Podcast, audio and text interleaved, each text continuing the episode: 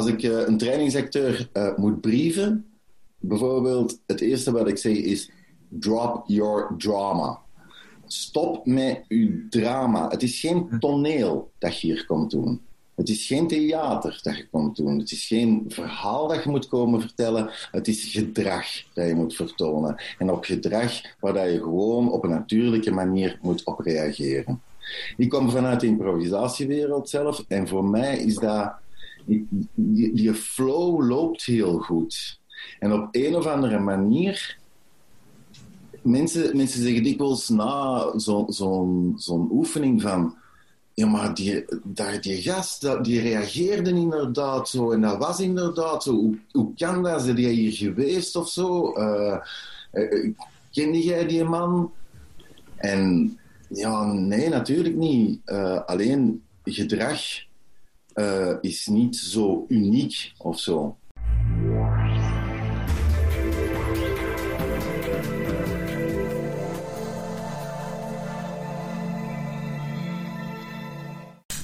17 Monkey Podcast. Timothy hier. Hoe gaat het met jullie? Vandaag zijn we 30 september 2020 en het wonder is geschied. We hebben namelijk een regering in België. Nu, voor de Nederlandse luisteraars lijkt dat alsof dat, dat redelijk normaal is van, ja, ja dat hebben we nou dat hebben we na 10 dagen. Wel, wij doen er bijna 500 over. En je ziet dan ook direct de verdeeldheid. Want het, voor de een is het champagne en voor de ander is het een fles azijn. En als waarnemer kan je alleen maar kijken en denken van... Goh, maakt het dan zo'n verschil voor je dagdagelijks leven? Ga toch al een heel aantal regeringen mee en ik kan toch niet zeggen dat mijn leven zo drastisch veranderd is. Anyway, ik hoop dat deze regering wel inzet op arbeidsveiligheid en het ook vermoderniseert. Want ik denk dat ondertussen, na 24 jaar dat het Arab gesloten en gedaan zou moeten zijn, um, er nog heel veel artikelen zijn die openstaan en waarbij dat we nog altijd niet in de eindmeet gaan. En 24 jaar is wel nog wel langer dan 500 dagen regeringsvorming. Maar het wordt toch tijd dat ze daar toch werk van gaan maken van een moderne aanpak. En het is vooral interessant om te zien hoe de Belgische aanpak zo verschillend is van, van de Nederlandse, waar dat de Nederlandse toch wel op een, op een meer pragmatische manier te werk gaan. Nou, Anyway, food for thought voor hij of zij die de volgende minister van Werk wordt. We kunnen alleen maar hopen dat het ons als preventieadviseurs en, en milieuprofessionals, die zitten natuurlijk in de Vlaamse regering in België, um, maar dat we erop vooruit gaan en dat we leren verbeteren en beter beginnen falen. Vandaag hebben we nog eens een duo-interview toen met Bert en Robert van uh, Apollo 13 vond ik dat eigenlijk best wel een geestig concept om zo twee mensen virtueel te interviewen en handjes opsteken en zwaaien naar elkaar van ik wil aandacht.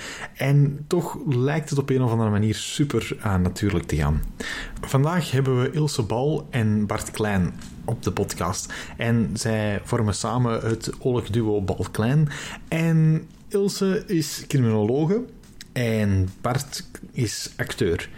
En dan denk je van die combinatie, wel, die combinatie zorgt er eigenlijk voor dat zij moeilijke gesprekken kunnen gaan, gaan voeren en dat ze daar zich ook nog eens in kunnen gaan inleven en zorgen dat mensen die moeilijke gesprekken kunnen volgen zonder, zoals Bart het ook in, in de intro zei, zonder de drama. Want als er nu één ding is waar ik een ongelooflijke hekel aan heb, is dat je zo van die toneeltjes moet gaan spelen tijdens trainingen en dat je weet van, goh, dit is het echt niet.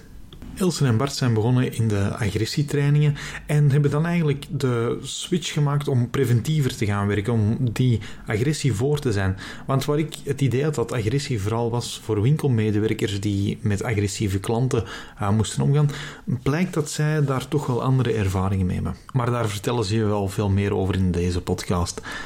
Hier zijn Ben en Jerry, zoals ze zichzelf omschrijven, maar aan van de trainingen coaching en ook acting. Hier zijn Ilse Bal en Bart Klein, de Safety Monkey Podcast.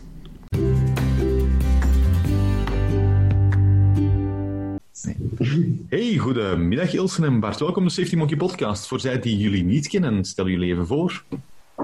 Oké, ik ben uh, Ilse Bal. Ik ben trainer en coach uh, bij Bal en Klein. En dat is een opleidings- en consultancybedrijf dat zich bezighoudt met meer welzijn op de werkvloer. Wat wij niet doen zijn stress- en burn-out uh, coaches, want wij geloven dat als je ja, meer welzijn wil op de werkvloer, dat dat ook al begint met met mensen die vaardig communiceren. Dus dat is hetgeen dat wij doen. Organisaties en hun mensen vaardig leren communiceren. En ik uh, ben uh, Bart Klein en de mensen mogen oefenen met mij om vaardig te communiceren. En um, ja, voilà, ik zal daar straks nog wat meer over zeggen, wat een trainingsacteur zo allemaal doet.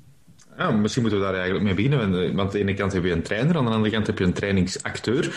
Wat is het verschil tussen die twee en, en, en wat is eigenlijk de toegevoegde waarde van, van het concept? Ik zeg meestal zo dat Ilse zijn de hersenen en ik ben de buik. En daar bedoel ik mee, ik voel meer de emoties in. En ja, Ilse is madame theorie. En die, die uh, weet heel veel. Die kan ongelooflijk scherp analyseren, bijvoorbeeld. Alleen, ik ga meer echt oefenen met de deelnemer. Ik ga meer vanuit de uh, emoties spreken, wat dat ik heb uh, gevoeld. En het is ja, vooral het, het vertrouwen geven aan die, aan die deelnemer. Want dat is toch altijd... een deelnemer geeft zich daar wat in, in, in bloot. nu, we doen dat op zo'n manier dat mensen zien dat het werkt en dat, het, uh, dat ze zich op hun gemak voelen.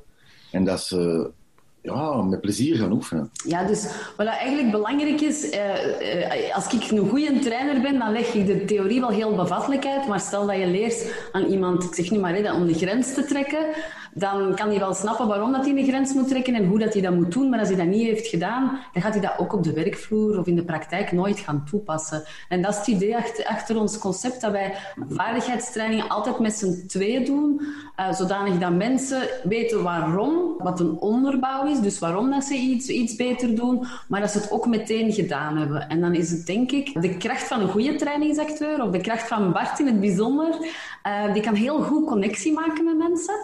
Uh, en dat maakt dat mensen ook uh, ja, zich op hun gemak voelen en, en ook gaan leren. Want werken met een trainingsacteur voor een deelnemer, dat is spannend. Hè? Dan is het belangrijk dat je wel... Er moet een zekere spanning zijn als je mensen wil doen leren, maar die spanning mag niet te groot zijn. En dat is wel iets waar Bart heel straf in is, van die hele goede connectie te maken. En dan denk ik nog een tweede ding, uh, dat ook heel belangrijk is van een goede trainingsacteur, en ook iets waar Bart heel goed in is. Als mensen eerst hebben gezien in een theorie, oké, ja, het is misschien toch beter dat ik nee zeg, en ik weet hoe dat ik het moet doen, dan moeten ze vertrouwen ook hebben dat die, dat, dat bij hun gaat werken.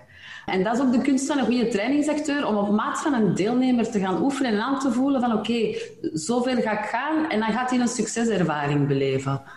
En dan gaat hij snappen, oké, ja, dat is goed, dat is toch geen bullshit dat, dat hij vertelt. Hm. Dus er is een heel duidelijke um, verschil tussen kennen en kunnen, wat zeker in trainingen tegenwoordig nog wel heel belangrijk is. De, ik ben, ben blij dat een, de PowerPoint nog gebruikt wordt voor wat hem dient te gebruikt te worden, in plaats van ja, dat men alles maar probeert via een PowerPoint te doen. Nu, hoe werken jullie? En, en zeker nu in tijden van, van corona neem ik aan dat jullie op, op heel kleine, met heel kleine groepjes moeten werken. Of hebben jullie altijd met kleine groepjes gewerkt? Ik weet niet wat jij bedoelt met kleine groepjes. In het algemeen, als, als we zo gaan werken met acteur, is dat ongeveer een tiental mensen. Dus, dus dat, is, dat, dat eigenlijk, pre-corona is dat eigenlijk uh, hetgeen dat er gebeurt. Dus ja, inderdaad, uh, redelijk beperkte groepen. En hoe gaan jullie dan uh, te werk uh, met, met het, het concept? Um, wordt er dan een, een, onderwerp aangegeven of, of werkt dit enkel bij specifieke onderwerpen? Uh, het concept dat wij hebben, uh, doen wij eigenlijk gesprekstechnieken en, en, en, en leiderschapsvaardigheden. Dus ja, in grote lijnen leren we mensen communiceren, maar er zitten een aantal thema's tussen, dus, uh, zoals feedback geven. Want, want, wij zijn ja, grote voorstanders van, van, een, van, van feedbackcultuur in een bedrijf. Um, omgaan met agressie is een van, van onze thema's, bijvoorbeeld assertiviteit. En kun je, jij kan wel aanvullen, hè Bart? Ja, ik wou, ik wou zeggen feedback, uh, ik, uh, feed forward. Daar zijn wij eigenlijk nog meer uh, fan van. in de zin dat je, ja, als je inderdaad een feedbackcultuur installeert, dan um, het, ultieme is dat je gewoon kunt vragen van, geef mij eens wat feedback. Er zijn heel weinig mensen die dat vragen. Um, maar in Nederland zie je dat bijvoorbeeld dat dat veel meer gebeurt. Dat er, dat er dat mensen willen groeien uh, door de feedback die dat ze krijgen. En die training die jullie dan doen, die moeilijke, want zijn dat dan moeilijke gesprekken voeren? Of is dat dan eerder omdat we wat, schroom voelen om, om ja, tegen iemand te zeggen van, goed, dit loopt niet zoals het hoort, eh, of dit loopt net wel heel goed zoals het hoort, uh, top, dat we het vanzelfsprekend vinden? Ja, eigenlijk is de grote koepel waarom dat we werken inderdaad moeilijke gesprekken voeren en waar we toe zouden willen komen. En dat is het punt denk ik dat Bart uh, wou maken, is uh, ja, dat mensen dingen sneller bespreekbaar gaan maken. He, want anders, en, en, daar, daar zien we dat er veel conflict ontstaat in bedrijven, doordat mensen gewoon zaken niet uitspreken. En dan wordt iets kleins, wordt, wordt dat een olifant en, en, en dan kan de boel ontploffen. Hè. Ja, ja, de olifant in de kamer. Het is eigenlijk via daar dat ik uh, jullie, uh, jullie ja, mijn, mijn LinkedIn-feed uh, heb gekregen. Wat ook wel een interessant artikel was, want daar stellen jullie ook, um, zoals je net zegt, van, van sneller gaan praten met, met mensen. Um, waar loopt dat fout? Waar, waarom zijn we daar... Want ik heb dat zelf ook lastig mee, met zo van die ja, um, ja, dingen die misschien heel duidelijk zijn, maar waar je zoiets van is van, goh, daar komt toch maar ruzie van. Um, laat het ons maar houden voor de, voor de goede vrede. Waarom blokkeert dat bij ons? Goh, er zit nog een deel in de oude piramidestructuur, uh, uh, bijvoorbeeld, uh, waarin van bovenuit wordt gezegd van je doet het omdat ik het zeg. En er zijn er ook mensen die bijvoorbeeld moeilijk vinden om dat te zeggen, omdat ze denken van ja, ik ga iemand kwetsen en dat, dat ik wil niet, iemand kwetsen. Of uh, ik ga het zo duidelijk zeggen dat hij het zeker zal weten. Ja? Of beginnen over koetjes en kalfjes om een zogezegd een goede sfeer uh, te creëren, om dan het slechte nieuws te moeten droppen van, goh, ja, we gaan toch uh, die baan, uh, die gaan we toch niet meer houden van jou. En snap je dat, dat, dat mensen niet, ja, niet, niet in, in heel veel valkuilen trappen die normaal zijn. Alleen hebben wij die wel in kaart gebracht. En hebben we gemerkt dat we met bepaalde technieken dat veel beter kunnen laten, laten verlopen. Ja, Bart, en die valkuilen, en, en dan, dan, wat betekent dat eigenlijk concreet? Wat leren mensen bij jullie en, en hoe leren ze dat dan? Wel, wij werken stapsgewijs, uh, sowieso. Uh, en daar komen dan ja, deelvaardigheden komen daarbij. En dan komt er zeg maar de kernoefening. En de kernoefening is ofwel een case van zichzelf, ofwel een case die dat in een bedrijf zeer vaak voorkomt. En dan gaan we, gaan we eens uh, zien hoe zo'n gesprek uh, is verlopen. Ja? Dan spelen we dat, dan doen we dat gewoon na. We zien wat die een dynamiek is. En dan gaan we uh, ja, samen met de observanten gaan we dan kijken van wat hebben jullie gezien? Wat zijn de valkuilen? Waar ging het goed? Waar ging het minder goed? Bepaalde um, deelnemers krijgen be bepaalde observatieopdrachten rond uh, body language, rond uh, taalgebruik uh, enzovoort. Um, en dan proberen we dat opnieuw met die technieken die dat we hebben aangebracht. En ja, het is, gewoon heel fijn om te kijken dat mensen dan zien, als je mensen ziet groeien, als, die, als je die ziet van, hé, hey, ik kan dit gewoon. Het is gewoon ook een kwestie van die techniek toe te passen. En ik heb hier veel geleerd, ik heb veel meer vertrouwen in mezelf nu gekregen, dus ik ga dat kunnen toepassen. En dat is die, die die lichte knik, moet ik zeggen, naar, naar de werkvloer, die, die dat wij er hebben bijgezet eigenlijk. Van echt van, ja, te gaan oefenen, te gaan oefenen en, en dat nog eens te doen. Wat ik vooral moeilijk vind in dat soort um, toneelstukken dat je eigenlijk speelt, is om, om, de, om, ah om geen karikatuur te maken van de realiteit. Hè. Bijvoorbeeld bij, bij veiligheid gaat het heel vaak over we moeten elkaar aanspreken over onveilig gedrag. Nu, eh, de vraag wat is onveilig gedrag, daar wil ik zelfs niet over beginnen, want dat is, dat is, een, dat is een podcast of tien op zichzelf. Maar ja, de moment dat je dat, aan, dat, je dat dan aan toe dan denk je van ja, maar dit is toch niet de realiteit waar dat wij in, in, in zitten? Dat is toch niet de realiteit waar, waar dat wij in werken?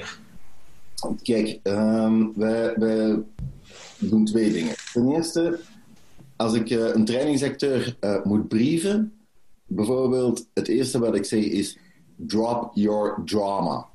Stop met uw drama. Het is geen toneel dat je hier komt doen. Het is geen theater dat je komt doen. Het is geen verhaal dat je moet komen vertellen. Het is gedrag dat je moet vertonen. En op gedrag waar je gewoon op een natuurlijke manier moet op reageren. Ik kom vanuit de improvisatiewereld zelf. En voor mij is dat... Die, flow loopt heel goed.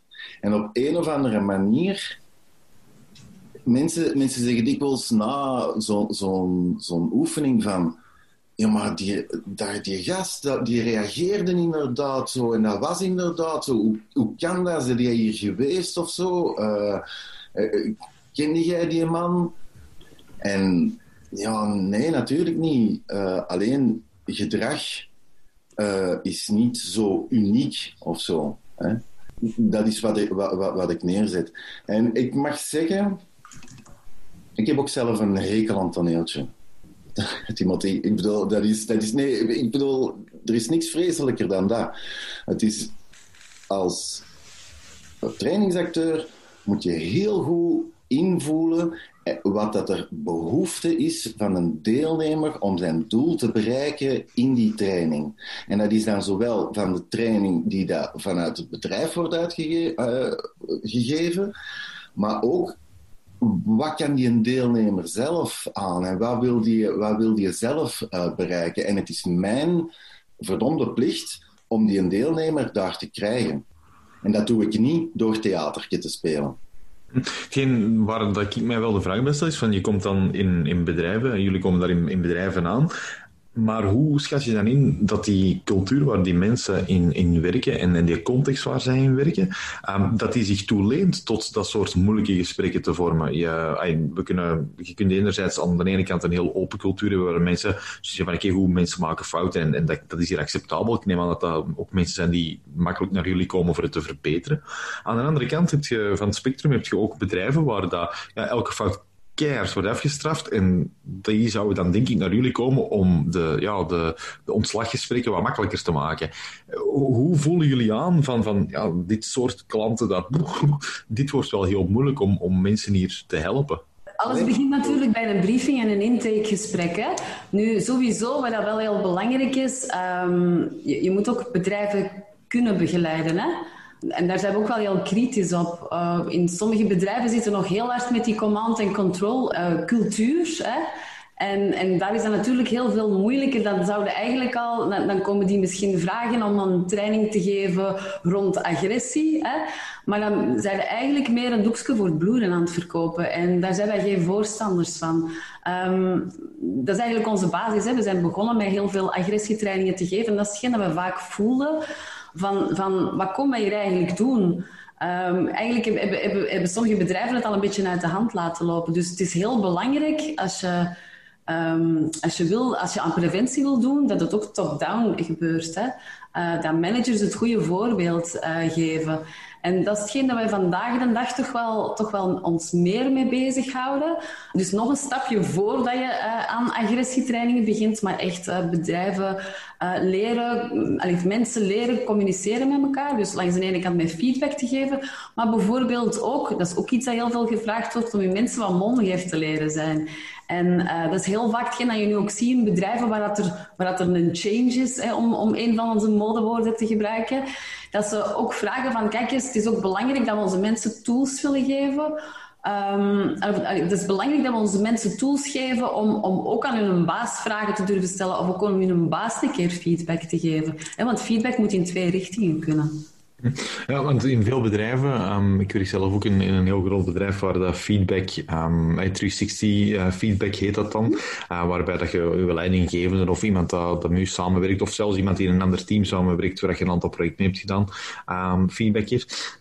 Ik vind dat heel moeilijk. Je moet dan zeggen van, wij hebben ze goed gedaan, dat, dat valt meestal wel mee. Ik, heb, ik heb heel ik heb geluk mee om met goede collega's samen te mogen werken die, die echt wel, wel voor de zaak willen gaan.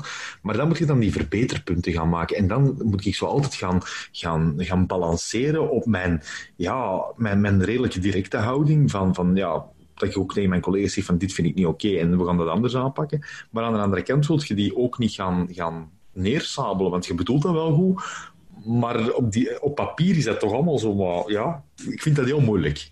Ja, klopt. Hè. Heel vaak uh, hebben mensen schrik voor, voor de reactie. Want het is hetgeen dat je zelf zegt, ik heb precies nogal een directe stijl. En dan, en, en dan uh, kan het vaak zijn dat je denkt van, oké, okay, met mijn directe stijl, ik wil nogal zeggen waarop dat staat, maar de andere, die, die biedt daar weerstand op en, en dan laat ik het maar of ga het misschien wat mooier verpakken. Maar dat is precies de essentie van, van een feedbackcultuur. En dat is ook precies waar we op gaan werken. Van eerste keer, dat, dat is ook hetgeen dat je doet in een training, eerste keer mensen zich bewust van laten worden van hoe krijg ik zelf graag feedback. Um, dat wij daar schrik voor hebben of dat er weerstand komt, is eigenlijk iets heel normaal. Dat, heeft, dat heeft met ons brein te maken. Hè. Um, ons brein ziet uh, feedback dat we ja, als kritiek binnenpakken. En hoogstwaarschijnlijk als je iemand uh, feedback geeft, is dat niet de bedoeling om die af te breken. Hè? Alleen als jij mij feedback geeft en ik percipieer dat als dat jij mij wilt afbreken, dan ga ik in weerstand gaan. En vandaar, wat wij eigenlijk mee doen, is van, van dat stukje in kaart te brengen, maar uh, dan ook te kijken, wat zijn dan manieren om ervoor te zorgen dat die andere niet in weerstand gaat. Dus daar zit het hem op. Uh, letten op een aantal dingetjes, waardoor dat je een andere, uh, hetgeen dat je zegt, binnenpakt. En als er dan toch stress ontstaat, of als er dan toch weerstand ontstaat, hoe ga je dan als leidinggevende met die weerstand om? Dat, is, dat is heel belangrijk. En daar geven we mensen echt wel een aantal.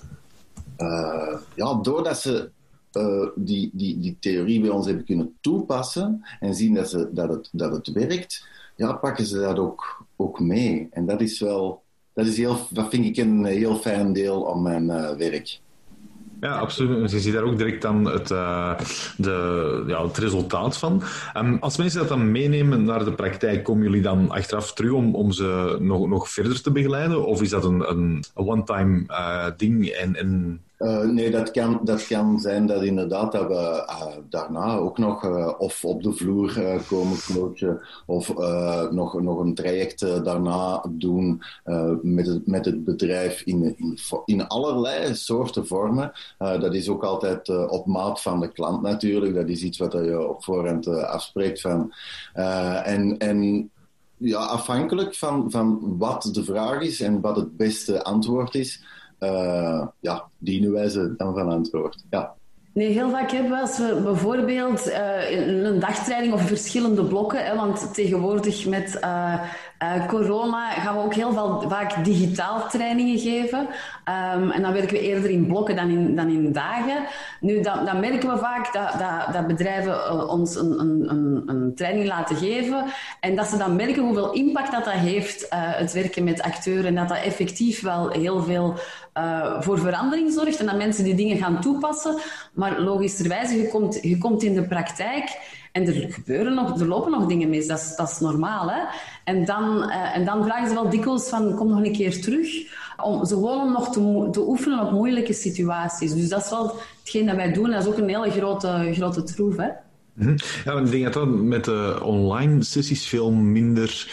Um veel minder effectief is. Hè? Dat je, dat, je um, dat soort, soort gedragingen en dat soort um, feedbackmomenten veel minder natuurlijk aanvoelt, omdat je daar Uh, ja, je zit hier achter een computer en je hebt niet die, die of niet die, ja, die, die kleine dingen die, die je prikkelen om, om ja, soms te durven doorduwen. Um, als, je, als je merkt dat mensen het echt niet begrijpen wat je wilt zeggen. Maar anderzijds ook om, om een stap achteruit te durven zetten en zeggen van oh, dit is niet het moment om feedback te geven. Of werkt dat digitaal wel volgens eh, in jullie concept? Uh, het werkt zoals digitaal werkt. Het klopt wat je zegt. Ja? We zien elkaar niet zo groot, we zien niet alle signalen. Alleen is het vandaag de dag soms alleen maar mogelijk via deze weg. Dus, dus ja, en dat is, want uh, Ilsen is daar nu even snel overgegaan, maar sinds corona hebben wij ons online aanbod echt daar compleet op aangepast. Wij zijn, we hebben allerlei nieuwe vormen ontwikkeld en, en, en gemaakt, zodat dat ook online blijft plakken en dat dat, dat, dat werkt. Er zijn ook dingen die je online um, beter eigenlijk kan doen. Wat wij merken bijvoorbeeld is dat uh, meer introverte mensen online veel meer naar voren komen. We merken dat iedereen altijd op tijd is. uh, ja, snap je, er zijn wel echt een aantal, een aantal voordelen. Je kan mensen even apart zetten. Dus, dus het heeft zijn voor- en zijn nadelen. Nu, ik ben wel zeker dat we uh, met beide hetzelfde doel kunnen bereiken. Daar, daar, daar, uh, daar ben ik nu rotsvast van overtuigd. Jullie zitten ook heel sterk in op het online uh, verhaal, zoals, zoals je juist uh, ook zei, Bart. Um, en een van de dingen die, die ik wel, wel tof vond en die mij wel triggerde, waren de lunch and learns. Um, gaan jullie die, dat concept verder blijven zetten? Absoluut. Hè? Dus uh, de komende maanden, zeker en vast tot december, hebben we al data vastgelegd dat we verder lunch and learns doen. En daar nodigen we um, ja, vooral HR-professionals, L&D-professionals, veiligheidsadviseurs uh, op uit om, om een keer kennis te maken met, met, met dat wij doen. Omdat we snappen dat dat, dat digitaal gegeven, werken met acteurs, dat is voor mensen wel nog een heel abstract gegeven van werkt dat wel? Is dat wel even goed? en dat snappen we, dat die, dat die vragen er nog zijn. En vandaar dat we dus mensen uitnodigen om, om, om, deel te nemen aan onze Lunch and Learns, om kennis te maken met die aanpak. Uh, het is heel interactief, dus je gaat ook effectief met uh, trainingsacteur aan de slag. En natuurlijk is het ook de bedoeling dat ze heel veel tips en tricks opsteken. Hè? En want we hebben twee thema's. Het is, is moeilijke gesprekken. En dan als leidinggevende, hoe pak je dat aan? En daar gaan we dan in een anderhalf uur geven we, geven een, een, tool mee om, om, om dat aan te pakken en een aantal oefeningen. En langs de andere kant hebben we ook een ander thema, uh, agressie. Vandaar dat ik ook zei, uh, uh, veiligheidsadviseurs nodigen we daarin ook uit. om daar eens kennis mee te maken. en dan leren ook mensen onze aanpak kennen over hoe ga je nu om met agressie, of beter gezegd, hoe kan je dat voorkomen. Uh, en laten we ze ook kennis maken met onze aanpak en geven ook tips en tricks ervoor. Um, die agressie waar jullie op terugkomen, ik had het idee dat dat vooral was um, klanten agressief naar, naar winkelbediendes, uh, maar eigenlijk gaat dat veel verder. Absoluut. Hè? Um, uh, als wij klanten daarin hebben, dan gaat dat zowel inderdaad mensen die met veel klanten in contact komen en klanten die vandaag de dag altijd maar mondiger zijn, of door corona heel gestrest zijn. Dat is één ding. Ook de zorgsector hè, is, is ook een belangrijk aandeel. Uh, patiënten, maar nog veel... Allee, die, die veel lastiger gedrag vertonen, zijn heel vaak nog de familieleden. Dus dat is ook, eh, maar ook collega's onderling hè, zijn niet altijd lief voor elkaar. Hè. En ook niet altijd uh, met slechte intentie. En dan komen we eigenlijk terug naar, naar die elephant in the room, hè, of de olifant in de kamer. Uh, iedereen weet dat er een olifant is, niemand zegt er iets van. En, en, dan, en dan krijg je roddels die beginnen rond te gaan. En, en, en dan, dan kunnen we wel een etterbuil hebben die op een gegeven moment ontploft. Bart Ilse, als jullie nog een tip hebben voor mensen die ja, bezig zijn met trainingen te organiseren, die eigenlijk ook vooral aan het zoeken zijn naar, naar een manier om dingen beter bespreekbaar te maken, wat is de nugget die jullie zouden meegeven? Wat, wij, echt wel merken op de werkvloer, ik, ik heb nu, nu, recent weer een paar trainingen gegeven, Bart ook, gemerkt met heel die coronatoestanden dat er nog veel meer, allez, ik, kan nu niet, ik kan er nu niet de stempel agressie echt op kleven, maar dat er nog veel meer leeft. En mensen lopen allemaal op de tippen van hun tenen. En dat is onder collega's zo. Dat, dat is, als je met klanten in contact komt zo, je hebt, je hebt dan langs de andere kant, er is heel veel onzekerheid en je hebt dan ook leidinggevenden die niet goed weten wat, wat, wat, wat ermee te doen. Um, en dan merken we dat bijvoorbeeld LND momenteel uh, ook heel afwachtend is met, met, met trainingen te organiseren. En eigenlijk is een beetje de boodschap van, van, van, van laat dat niet steken, want in onzekere tijden hebben, hebben, mensen, uh, ja, hebben mensen leiders nodig. En authentieke leiders. En authentieke leiders zijn mensen die wel de technische skills hebben om, om, om ploeg van A naar B te brengen, maar vooral die, die heel empathisch kunnen zijn. En daar ligt wel, ja, daar, daar zit een probleem. Als je weet dat voor corona 70% van de leidinggevenden aangeeft dat hem niet weet hoe dat de moeilijke gesprekken moet aanpakken, dan weten dat dat eigenlijk echt wel een groot probleem is. Nu, Ilse, op welk moment komen bedrijven naar jullie toe? Is dat, zien jullie bij klanten wanneer dat die noodzaak daar plotseling is? Of um, hoe gaat dat eigenlijk in zijn werk? Ja, heel vaak is dat als, als een bedrijf eigenlijk in, in een change zit. Hè? Um, wat we merken is dat veel bedrijven nog, nog grotendeels in, in zo'n meer command- en control-cultuur uh, uh, zit. En merken dat dat toch niet meer, niet meer werkt de dag van vandaag. En zeker met, met, met corona denk ik dat dat nog een beetje meer uh, in stroomversnelling komt. Je moet mensen vertrouwen geven, dus, dus nu meer met, naar, naar een cultuur van trust and delegate. En dan is het belangrijk dat, dat, dat, dat er, dat er een, een goede feedbackcultuur is. Dus zowel uh, bij leidinggevenden, maar ook bij medewerkers. Hè, dat, dus dat er, dat er een dialoog tussen beiden ontstaat. En waar was volgens jou de, de, de eerste stap in die goede uh, feedbackcultuur? Wat, wat is hetgeen dat jij zegt van daar voel ik tijdens mijn trainingen heel sterk aan bij, bij de klanten dat ze daarmee worstelen? Maar dat is het meeste met worstelen. Eigenlijk um, heel, heel vaak, uh, de ander moet altijd veranderen. Dat is hetgeen dat we heel vaak horen. Nu, jammer genoeg, dat gaat niet. Hè. Dat, dat, dat, dat, dat kunnen we niet. Dus uh, vandaar um, dat, dat, wij die stelling ook hebben van je kunt een ander niet veranderen, maar je kunt met je eigen gedrag wel impact hebben op, op iemand anders. En dan beginnen we eigenlijk met mensen inzicht te geven in ja, wat zijn zo verschillende gedragsstijlen.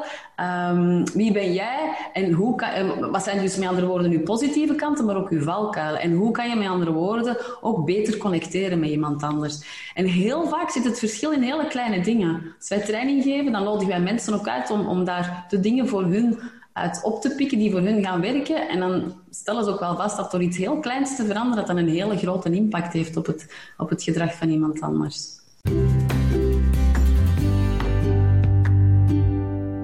Haha, vonden jullie hiervan? Ik ben wel onder de indruk van enerzijds hun aanpak, maar ook van die dynamiek die ertussen zat. Het, het was heel opvallend dat tijdens zo'n podcast je merkt hoe goed dat ze elkaar aanvullen. De ene is dan uh, meer de bevlogene, de buik zoals hij zichzelf noemt, de gevoelens.